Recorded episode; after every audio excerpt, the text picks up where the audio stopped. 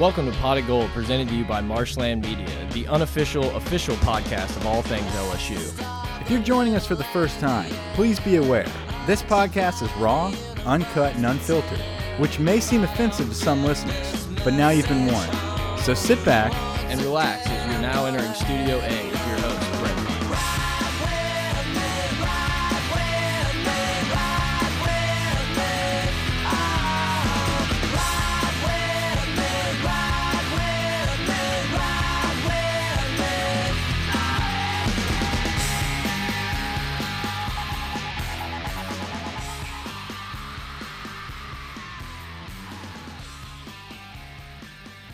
everybody, welcome back. Pot of Gold here with you. I'm Brett. I'm here with Mike. We're going to do a post game pod breaking down Southeastern 31 nothing victory for LSU. Let's just, Mike, how you feeling? Um, you know, I'm not I'm not feeling as horrible as most of the people I've been speaking to. Um, I think everybody I threw up this morning, Mike. You threw up? No, but I mean, I wanted to. Vomit. It was hard- yeah, no vomit. um, it was a little disappointing. I think everybody understands uh, that 31 nothing is not the disappointing part. Um, and for me, it wasn't about points. It was about more of just looking like a quality football team and executing the game plan that we brought into um, opening weekend at Tiger Stadium. Um, so we're going to get into all that in a minute. Let's go over some news real quick. Storyboard action. We'll have our bonus pod this week. Yeah, I mean, we're not ready to. We're going to do kind of a grab bag of things for this one. And so if you guys have anything you want us to talk about in this episode, send us an email, potofgold at gmail.com. But I think we're going to kind of compile some listener questions, just some thoughts. I mean, Auburn game, there's going to be so much to talk about. Right. So I think it's. Yeah, Auburn coming up this week. We're going to have a lot of extra stuff to talk about. It's going to be hard to fill in a 45 minute, 50 minute pregame pod for Auburn in that small amount of time. So uh, check out the storyboard bonus pod. It's going to be a mixture, kind of a gumbo effect of some bonus material. Um, again, guys, jump into the Discord server. We've had a lot of activity there. I know Brett's super pumped about that. Yeah, all the links are are going to be down below in the description to Storyboard podcast app, Discord, pretty much anything you can think of. We're on Twitter at pot of gold, pot of gold at gmail.com, patreon.com slash gold. We're very, very, very close to tweeting out some pictures of some shirts and some stickers and stuff like that. So, guys, send us, you know, if you're interested, send us emails, send us stuff on Twitter. Um, Mike, I'm checking just- to see. I'm checking to see if we have any more reviews. Keep it going, bro. all right, keep keep, it going. doing that. All right. Well, so guys, look, Discord. There was a few people in the game day chat last night, and people weren't happy. And you know, I mean, honestly, I wasn't either. I thought LSU started. There's no more off- reviews. Sorry. Okay, I saw you look kind of depressed, so I was like, okay, let's just start talking a little southeastern. um, Let's get even more no. depressed. yeah, seriously. Look, man, it was just it was just hard to watch whenever it seemed like it was very similar to every one of these games that we've played in the last decade. Every once in a while we'll blow somebody out like that, but it's always like uh, we'll put our foot on the gas at about 50% for like a quarter and then we're just going to ride neutral the rest of the way. It seems to be very difficult for anybody at LSU, whether it's Nick Saban, Les Miles, Ed Orgeron, to fully get these guys pumped up and playing four quarters against Southeastern, ULM, La Tech, Troy, anybody. But they like- haven't earned anything, Mike. They haven't earned the right to be Alabama. When Alabama goes against Austin Peavy or whoever the hell they play, and they just casually hang 55 Arkansas like it's State. business. Yeah, I know. Sure. Yeah, I, I understand. I agree with you. I I, I want to see us be effective in our downplayed game plan. You know, and like that's that's the the most frustrating part to me is not about not opening it up and throwing the ball all over the place and scoring these big exciting touchdowns, um, which I feel like a lot of people were hoping for. I mean, I, you know, I, I don't want to beat a dead horse here, but th that's the plan going into this game was obvious that we were going to work on the things that we could not do well against Miami and the things that we could not do well all fall, which is running the football. Look, I get it. People are going to sit here and be like, well, Mike, what about Brossette? Brossette looks great. No, Brossette does look good in light of what's going on on the offensive line. He's finding cutback lanes during zone offense whenever we have um, a full spread attack out there when Burrow's in the shotgun and he's able to uh, be passing the ball and they have to respect that and move guys out of the box, then yeah, Brossette is running fine out of those situations. Now, when we bring it in tight and we're when everyone knows who's getting the ball and we're doing old school LSU football, we cannot do that right now. And we went into this game uh, knowing that is what we're going to try to work on he did okay. It's not Brossette that we should all be talking about here. It's these offensive linemen. We heard before the game started that Saahdiq Charles is not going to play. Um, you know, that's an altered game plan right there. It's like we you know, Ed's going to sit here and say that nothing's changing. We're approaching every opponent the same. Yeah, well, you sat out your players that were suspended week two instead of week one for you know stuff that happened over the summer. So obviously, for obvious reasons, because we were not coming out of Miami would have been a completely different ball game if we had to play some of the if our O line had some of the problems it right. had tonight. No, obviously that's completely obvious, and, and that just goes to my point: is you can't take everything these coaches are saying as like, oh well he's Ed also said that we we're not hiding anything and we're showing them the best stuff we've got. That's completely false. The best stuff we have is when our two offensive tackles are back healthy, we're able to spread the ball out and game plan for a defense that's wor a worthy opponent. We approach Southeastern as an unworthy opponent to show them our best offense. And that to me gets frustrating when your game plan is not effective. So we go into this game trying to run tight and then if we have to pass, Burrows under center, quick drop, quick short intermediate route passes. And because of the inability to run effectively and the pressure that we're getting, if that starts to break down, let's see what does work. Let's spread the ball. Let's go out of the shotgun and start hitting on those good, well designed plays that we had week one. Um, but instead, we didn't see that. And that was the most frustrating part was when it did start to stumble – we just said that's fine. We're just going to keep doing what we're what we're doing instead of actually having some fireworks to keep people excited, to keep this offense excited, and to work on those timing routes and improve on things that we are actually capable of doing.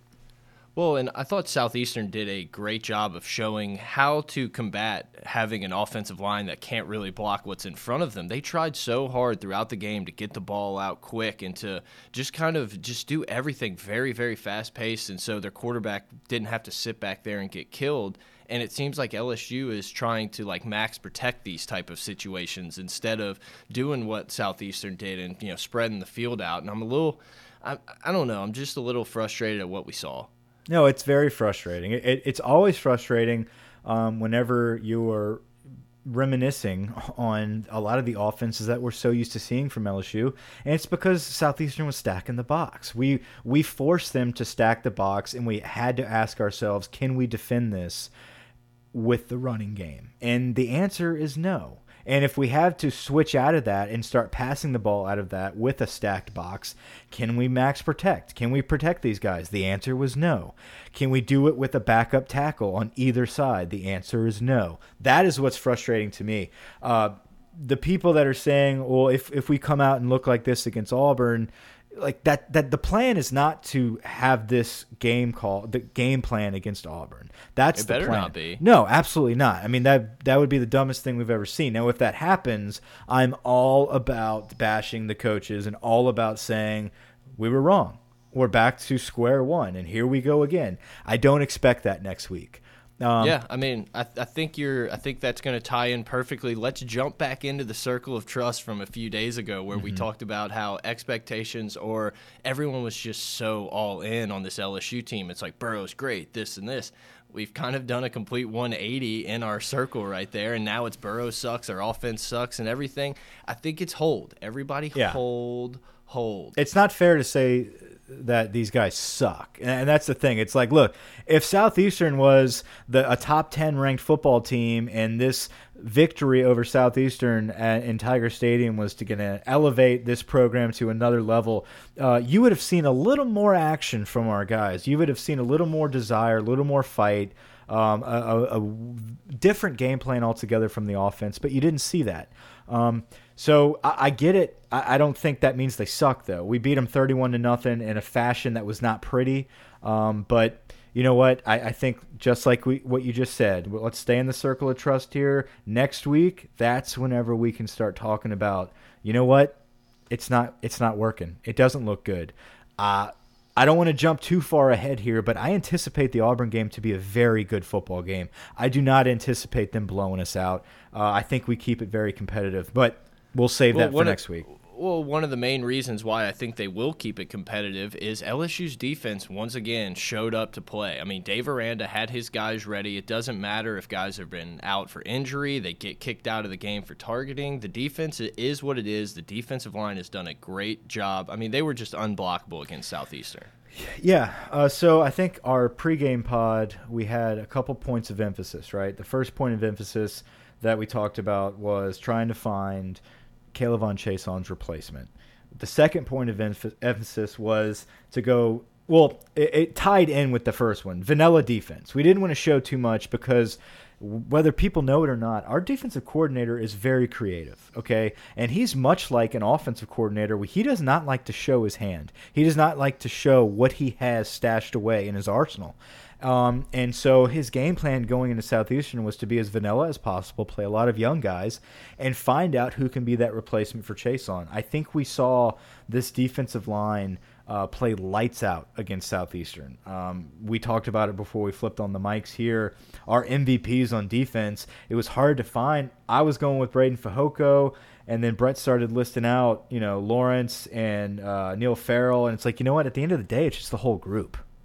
Yep, absolutely. The group as a whole played really well. You know, it's a it's something that we were kind of uh, lacking last year. We didn't have a ton of depth at the position, and it looks like we at least have found the defensive line. We got one side of the ball on the line of scrimmage. Yeah, no, absolutely. I think our defensive line we moved from being professional catchers uh, you know, I, I, look at Christian LaCouture. I mean, I know he's a great advocate for LSU, and you know the guy guy bleeds purple and gold, uh, but he just wasn't the best defensive tackle. And you would see Gilmore and um, you know all, all those guys from last season that finally quote unquote came around. They were still not penetrators. They weren't always in the backfield. Their ball get off was slow. This season, you are seeing guys like Lawrence and Fehoko explode off the football. The second that ball is snapped, these guys are in the backfield. These guys are lunging forward, full hip extension, um, technique, just technique sound, perfect football from the defensive line. Um, and it opens holes for these linebackers who were depleted, by the way. Um, we had, who did we have out? Baskerville was in for Phillips, who got ejected. You had Phillips, Divinity, obviously Chaisson is out. Um, I mean, these are young guys getting playing time, and we still pitched the shutout. That was really good to see from Dave Aranda. Yeah, no, you know, we'll see what happens when they go against the best offense they've faced all season when they go into Auburn and Jarrett Stidham, who is going to be a better passer than anyone he's seen, but he's also going to be way less mobile than any quarterback we've seen this year. So we could see a lot more of those blitzes where you have uh, 43. I just blanked on his number. Thornton. What, Thornton? Yeah. Thornton came through on one of those blitzes last night where he just came right up the middle untouched and just laid them out. And I think, you know, a lot of times we've seen the quarterbacks get away from these free blitzers we've had in the past two weeks. That may not happen against Auburn. You know, Grant Delpit, speaking of blitzes, uh, this guy has been living in the backfield. And I think you saw Jamal Adams put out a tweet recently saying, like, man, I, I begged Aranda that I could be at, in the backfield like he is, man. You know, kudos to, to Delpit for getting that opportunity, and he's making the most of it. And that's very exciting to see from a defensive back. It provides more creativity and allows Dave Aranda um, to have other defensive backs just, you know, blanket the field back there and have a very fast – athletic safety like Delpit just stack the box and, and blitz at will. It's pretty exciting to see. Yeah, it's going to be fun to watch. You know, I kind of I thought we saw more out of the defense than I even anticipated. I thought it was going to be even more kind of vanilla than it was, but I mean, there's just so much penetration up front. Fehoko, they just forgot to block him a few times. Yeah, and, and you know what? That's good to see that we weren't doing anything crazy. We kept it vanilla on defense, and we were still able to shut out. But at the same time, we were able to work technique, some bull rushes, some some guys running free. We were there. We were in position. Um, and I think with the offensive, with the offense being limited in a lot of areas, um, you have to see that from the defense. You have to see execution, um, and and that's what we really focused on in the offseason was, you know what, if we're going to go with Steve Ensminger, this game manager type offense, this not so explosive deal, we have to have a lights out defense. That's what they were banking on. Um, I'm not saying that the offense is um, where we where it needs to be to go back and forth with this defense. We have a lot of stuff to work on, um, but I, I, think you can mask our issues with our defense, and that's what we've we've grown accustomed to as LSU fans, as frustrating as it may seem. Yeah, no, look, I agree. We've talked a lot about the negatives of LSU's offense against Southeastern, and I mean they, you know, they packed it in against Miami, kind of like they did against Southeastern. But there were some positives from those first couple drives. You know, I thought Burrow played pretty well in the beginning of the game. I thought we ran the ball decently. You know, and Devin White stripping the ball, we get a touchdown off of that, off a short field. We we threw some, you know, Ja'Marr Chase gets his first touchdown as a Tiger. I thought that drive was good. We almost hit Jefferson on an out route kind of by the goal line that was just a little out of bounds. Ja'Marr Chase got a couple. Ja'Marr Chase's touchdown was so exciting. It was like an yeah. NCAA, you know, Xbox 360 style hit dive X in the dive zone. over the pylon. Yeah, it was beautiful. I love that. Yeah, exactly. And you know, so there are positives to take from this game. It's just, you know, we I'm sure we're not the only ones that have talked about it, but the two minute or the you know when we got the ball back right before halftime, I was more frustrated than anybody. You know, we get the Sullivan Hail Mary, but it was like, uh, you know, we got two timeouts, but let's take this into the halftime. And it's like, no, we should have been in full out. Let's practice our two minute drill. Like, hey, our goal is to get a field goal here, march it down. And we didn't really do that, and it kind of just fell into our lap. Exactly. So I think a lot of people are going to misunderstand what I'm trying to say as far as how I'm I'm not that upset about our game plan here and what we were trying to do. Um, this is where I I was growing upset was whenever you are in a situation like this where you've got two minutes left in the half. Um, instead of continuing to practice your game plan of running the football with a tight set and feeding Brossette, spread this ball out and play the situation that you were presented. Doesn't matter who you're playing against. You have an opportunity now to get Joe Burrow in a situation where he's going to be in one day. It could be as early as next week against Auburn, where you've got two minutes left. I mean, hell, last time we were there, this is the exact situation that happened. That's how Danny exactly. Etling, you know what I'm saying? Uh, Danny Etling threw the ball in the corner of the end zone to Chark, and, you know, they called him out of bounds. But the, the point is, we have to practice those situations. And instead, we just kept it tight. We kept doing what we, we said we were going to do before the game and just kind of work on this running game. Yeah, it worked. Brossette moved the ball down the field, but that's not what we're going to see whenever the game's on the line. That's not realistic. It's not reality. And that's where I began to get frustrated was like, look, I get it. I know what we're trying to do here, but let's scrap that game plan and let's start working on this two minute offense. So we hit a nice route to uh, Foster Moreau. And we were like, okay, we can do it. Let's shut it back down. It, it just, it didn't sit right with me. Um, I, I understand that we're we can do it when we have to, but we're not that team yet where we're we have the luxury of saying let's shut it down this week because we're a really good passing offense. We have Joe Burrow. It's we're not there yet.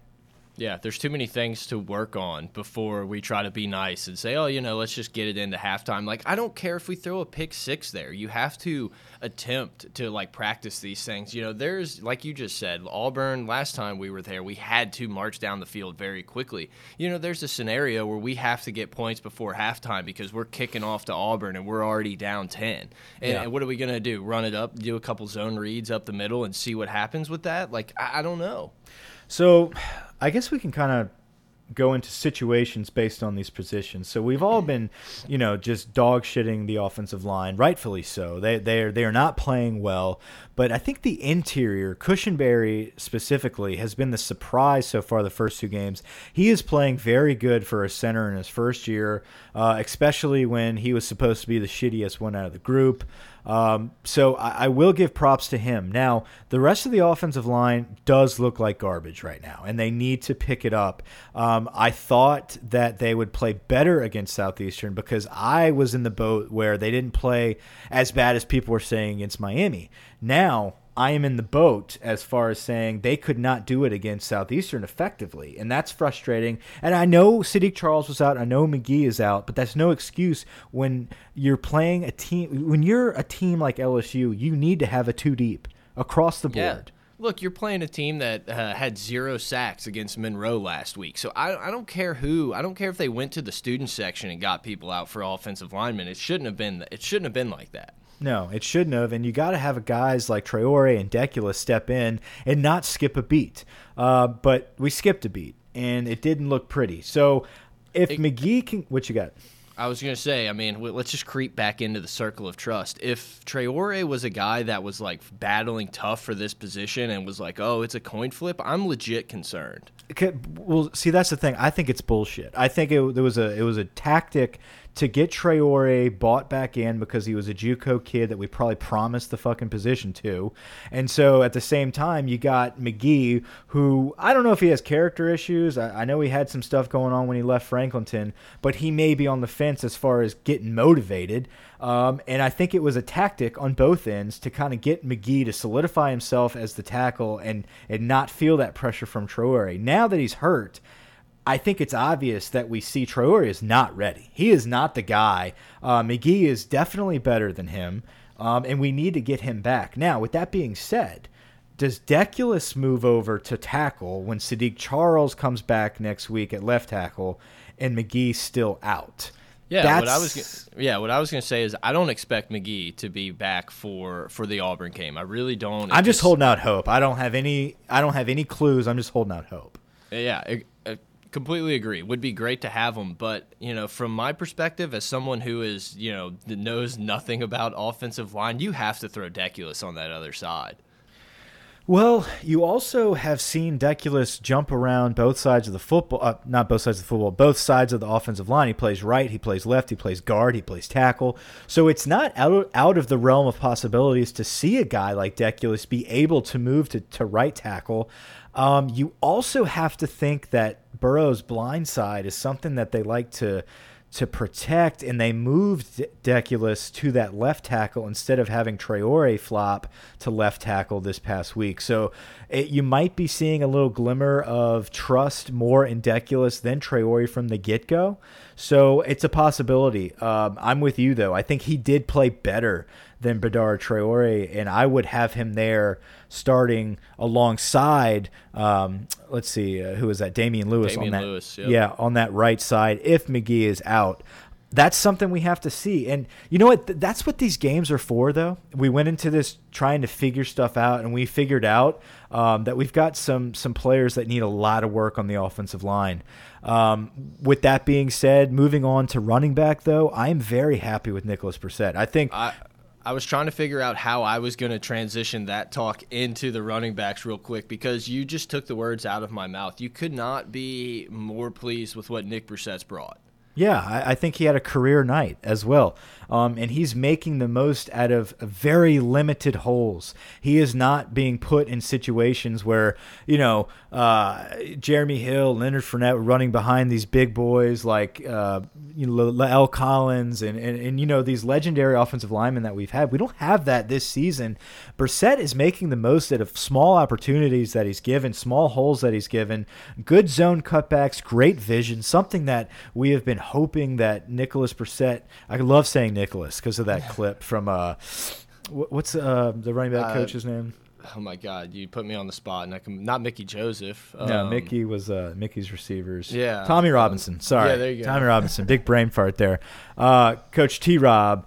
He was in a video. Nicholas, Nicholas. Yes. He calls him Nicholas. I just love it. Anyway, Nicholas Brossette uh, his vision is what brought him to LSU. It was never really much about him being this horse. You know what I'm saying? Like he was never this bell cow that is a Herschel Walker clone. Um, he yeah, is a he, guy that came in with vision. Yeah, he doesn't like shock you with his athleticism, but he seems to always be in the right hole and always be falling forward. I mean, look, this was a guy that, you know, before the season, I was like, you know, maybe it's the second year coming off a knee injury. Maybe he's going to be a guy. And we were just not sure. We've heard so much about Helaire, but he's yeah. a stud.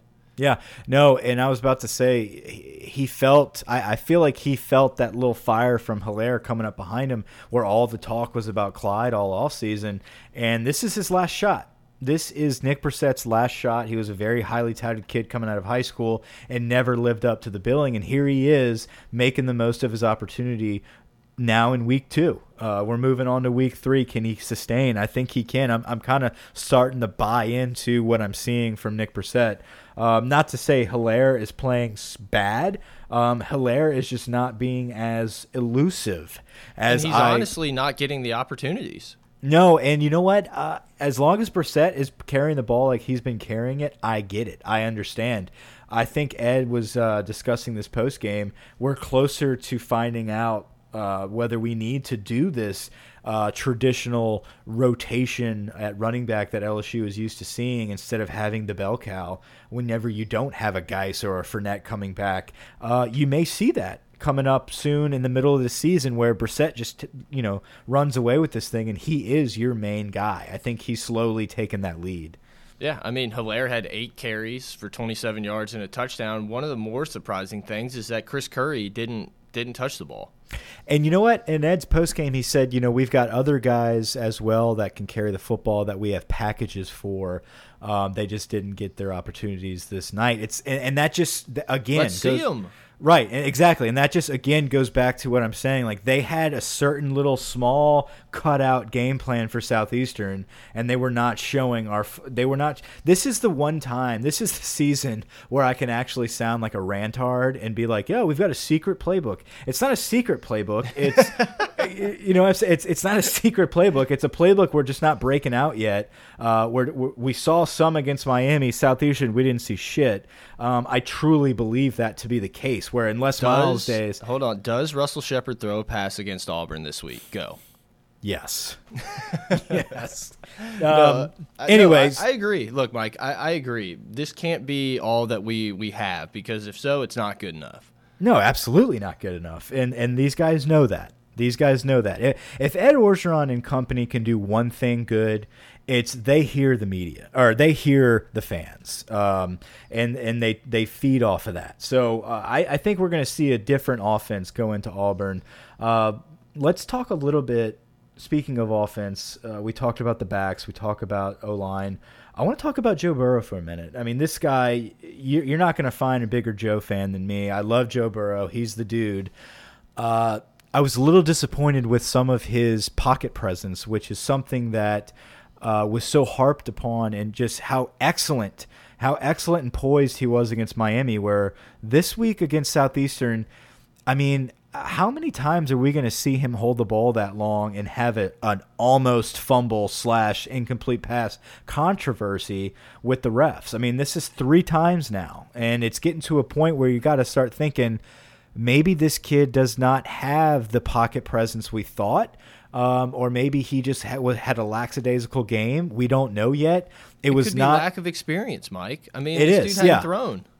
Oh, I, I, I get it, and it is lack of experience. And he did not have his offensive tackles in the game. He was getting um, bum rush left and right, but he had some time. That that that was the frustrating thing. Is it, it wasn't just takes the snap and he's already got guys in his face. He was in the pocket making his reads, and he had pressure coming at him. You can sit on your couch and say, "Here they come! Here they come! Here they come!" You know, it's like he had time to feel that, and he just didn't feel it from the backside. So that Yeah, is his his internal clock was so good in that Miami game. It seemed like every time he felt something, he would kind of wiggle his way out of it, and that didn't really happen. The clock seemed really slow tonight, and it's got to get a lot faster because Auburn's coming. Yeah, that's a concern. Uh, the the second concern that I see from Joe, um, it's not his accuracy. I think he's a great passer. Um, it, it's it's he's he's not sliding, and it's Yeah. something that we talked about a lot in the uh, right after the game with Ed Orgeron. He was uh, discussing that he's we're going to have to teach Joe how to slide. Where 15 minutes later, Joe Burrows uh, in an interview saying not happening. You know, Yeah, I don't tough slide. I don't slide. Tough luck. Um, I just it's not my DNA. I've never been a slider. You're not going to see it. Uh, that's a problem. And I, I love the attitude. I love it. I respect the hell out of Joe Burrow for that. He's a he's a defensive minded quarterback. He's a guy that you know is he's a coach's son. I know you hear you're going to hear that every freaking game, but Real gritty. it's true though. I mean, here's a guy that that respects defense so much that he's not going to just slide around. Like he he wants to get in the action. He wants to go forward for that first down, and he is a tough runner. He is a great great running quarterback, and I love seeing it. Here's the problem, man. we have two scholarship quarterbacks, and your backup quarterback is a string bean named Myles Brennan. Look, yeah, I completely agree. It is very commendable. I'm sure his teammates love it. You know, I'm sure those defensive guys are like, this guy's going to war for us. We got to bring it for him. But you're more important than that one play, than that one hit. You know, you have to be available as LSU's quarterback for you to do what you do. Yeah. And I get and look, and I get it if it's next week against Auburn and the game's on the line and he's rushing for a first down. Hell yeah, man. You tuck you tuck your shoulder, you truck somebody. Or if we're on the goal line, go skydiving like John Elway, man. Do what you got to do. But against Southeastern on a simple little quick run where you're taking shots from people and you're not even close to the first down, get down. Yep. Don't take those unnecessary hits. I'm all about when the game's on the line or when it's necessary to tuck your shoulder and run. Not right now. Not yeah, against no. these teams. You're 100% right. I, I couldn't agree with you more. But what I do like is is this dude loves football. He hadn't played football in a while, and he was just ready to crack some pads. Yeah, no, and I love it. Like I said, I absolutely love it. And I, I am so excited to have a guy like that with that attitude at quarterback for us. Uh, but if that bites us in the ass, then that yep. looks just stupid. That is yeah. so dumb. Um, and and I'd rather have a smart leader. You know. Yeah. No, definitely. Side note out of that, huge shout out to Jerry Sullivan rocking the Ray Bans up in the booth. Yes. Huge shout out. Yes. I wanted Love to talk about that, man. uh, I, I, told my brother we are sitting on the couch watching. I'm just like, look at uh, look at Sullivan's Ray Bans, man. Check that Dude, shit out. It was so balling. It was yeah, yeah, it was like 7:45. He's just up there with his Wayfarers looking boss. I think he ripped his headset off at one point. I, I, was like discussing the the glasses, then I just see him like take his headset off and like throw his hands up. I would love to be a fly on the wall up in that booth, just listening to him bitch. It's got to be just like a I don't. I, he reminds me of like George Costanza's father. I see him being like uh, what's Costanza's father's name? Frank Costanza. It's Frank. It's Frank. I could. He just I don't know if it's I don't know where he's from, but I just get like a sense of like this New York old man about to move to Del Boca Vista, but like no, not yet. Let me go coach LSU for like a little bit, coach up some wide receivers, but I will wear sunglasses in the booth and I will rant and throw my headset whenever there's a bad call, even though you're making the calls right to the left of me, Steven. But you get what I'm saying. Jerry, it's Frank Costanza. Steinbrenner's here. George is dead. Call me back. Yes, I love it. Classic. But no, you're so right. Like, I, can you imagine how funny it would be to have that headset on, like, be able to listen to all the communications going through all the coaches and stuff during these games? Like, I imagine it's just wild. It's. Uh, I bet it's a blast, man. And uh, but listen, I will say Jerry Sullivan has coached the hell out of these wide receivers. The route running that we are seeing from these guys is so crisp. I cannot, I can't remember the last time I saw the discipline from wide receivers uh, out of LSU. This is a good group of kids. They're young, they're very talented. We discussed Ja'Marr Chase's touchdown, which is excellent. And finally, finally, we see our boy Sullivan using his height to his advantage and coming down with the Hail Mary. Yeah, no, absolutely. Sullivan, he, he took another pass early in the game. It was like a corner was way off him. They hit him real quick. He got it 10 yards and stuff like that. But yeah, using your body to your advantage. He said after the game, yeah, we practice that every Thursday. One of the things I want to talk about on offense before we kind of start wrapping up players of the game, stuff like that. It seems like in the past, the tight end was neglected kind of on purpose. And I don't think that's the case with Steven Ensminger. And we haven't really seen a ton of production in the passing game. Is that because of like protection alone? You have to think that Ensminger would have rather get uh, Foster Moreau the ball a few more times because we talked about it in preseason. That's kind of what they want to do.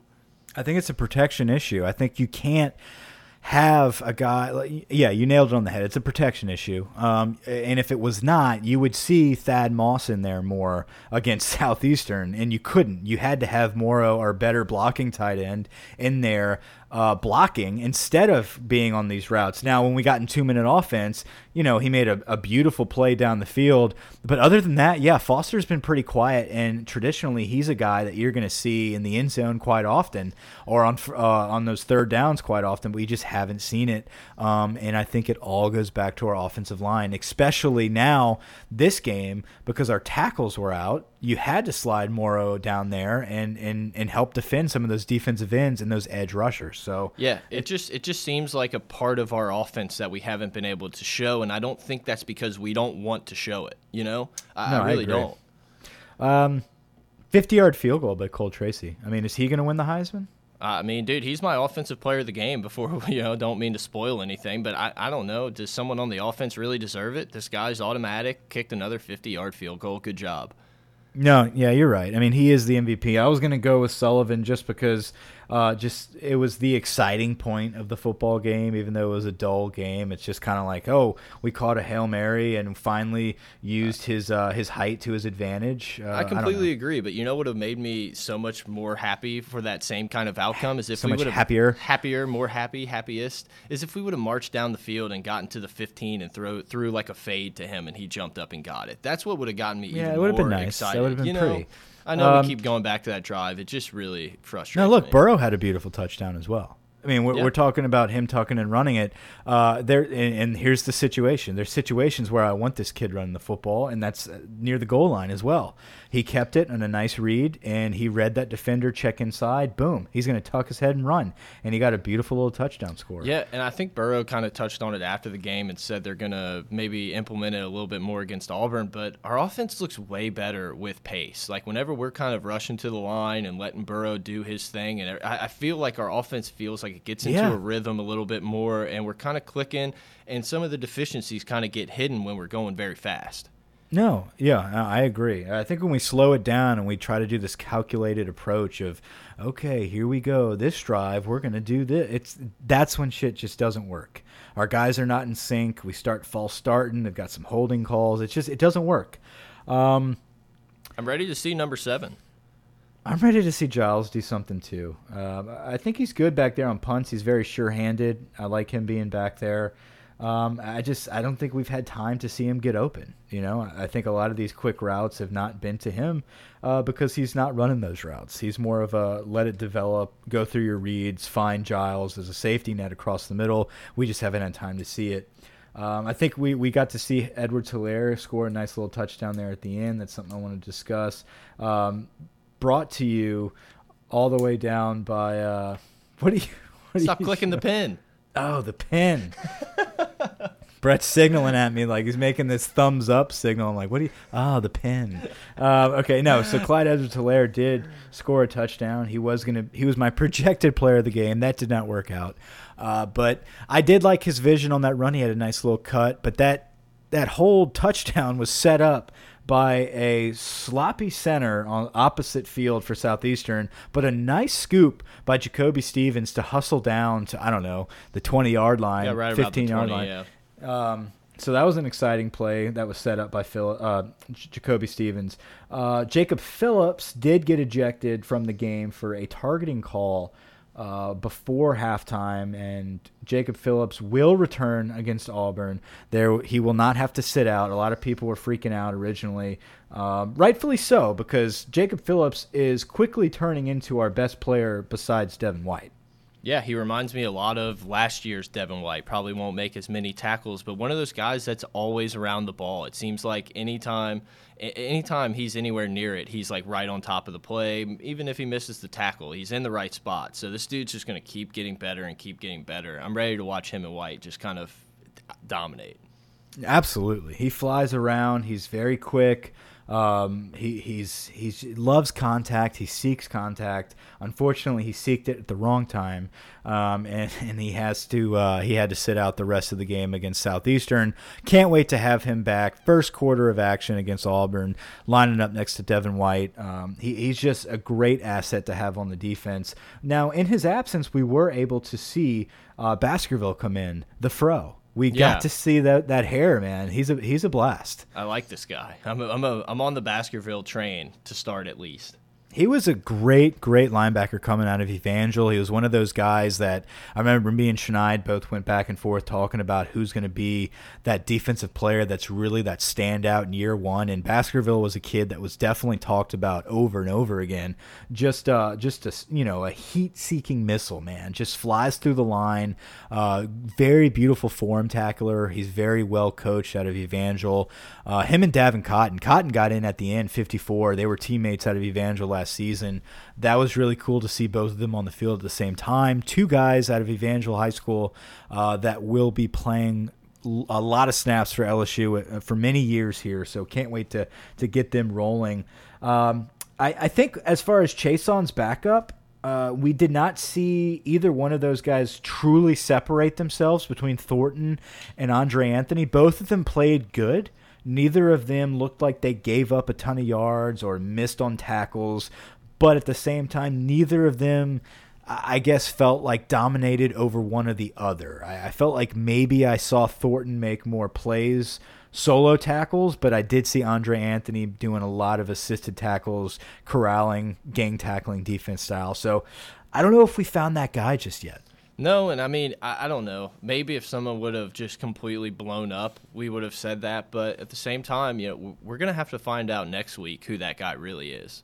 And we also didn't have Divinity out there. So Thornton and Andre Anthony were out there at the same time. And it kind of helped us out to kind of figure out who's going to be more dominant and sharing equal reps. And with that being said, I, I don't know yet. Um, I think Divinity did enough against Miami to save that spot and not give that up to either Anthony or Thornton. So you're going to see Divinity back in there next week with one of Ray Thornton or Andre Anthony. At this point in time, your guess is as good as mine. I don't know who's going to start. I think Anthony is the listed starter on that side. I don't think that means much right now because Thornton plays both ways. Yeah, no, I agree. I mean, one of the positives from the game is LSU had zero turnovers while forcing three turnovers. And one of the stats that kind of jumps out at me is kind of one that scares me is LSU was really bad on third down again, four of 11. Mm-hmm. Yeah, uh, I think this is a big week for us, man. I, I think this Southeastern game opened a lot of eyes uh, for our coaching staff as well to see that we are not great in certain packages. We are not great on doing these things. It was not a fluke against Miami that we're not good at converting third downs. It was not a fluke that we're having trouble on our edge rushers on pass protection. Um, it's not a fluke that we're having trouble going tight and running it whenever they have the box uh, just stacked. So there is definite concerns, but um, there is, uh, I mean, it's there, it's evident, and I think that we need to work on that this week. We will get Saahdiq Charles back at left tackle. That'll be a huge plus. Um, hoping for Adrian Magee, not banking on it, but definitely hoping for it at right tackle. If not, maybe we can slide Deculus there. Um, some things to look out for this week. Uh, let's see. Also, uh, defensively, yeah, you're going to have a lot of those guys back as well. Phillips will be back. Uh, Michael Divinity will be back. Uh, so I don't know, man. I think we're going to shore up some of those guys that were absent. We're going to practice what we have to practice based off the Southeastern game. Um, huge week coming up. We, we cannot wait to go dive into multiple podcasts this week coming up about Auburn. Um, this is the game that we've had circled as far as letting us know what happens. I think before Miami, we before the season started, it was like, hey, if you beat Miami, that's a good sign. If you lose to Miami, the wheels are off. If you beat Miami and you beat Auburn, holy shit, like this could be a hell of a team. If you beat Miami, lose to Auburn, I don't know. It depends on how you play. So I, I think there's a lot of different factors here um, about what story could be told from this game, um, and, and we'll see. Yeah, like Mike said, we're going to be bringing you a few different podcasts. There's a lot to jump into, a lot to dissect with this Auburn game. But guys, hit us up on Twitter at pot of gold, pot of gold at gmail.com, patreon.com slash gold. Join the Discord, join the Storyboard podcast, podcast app email us, man. Like we're gonna, like I said, we got shirts and stickers and all kinds of stuff coming through. So, Mike, you got anything else before we kind of kick out of here? No, I think that's it, man. Uh, I, I, think if I could just sum up this post game pod, is uh, I'm not ready. No one here is ready to jump ship based off of a 31 to nothing shutout against Southeastern. Are we happy with what we saw? No. Hey, we could um, be Florida.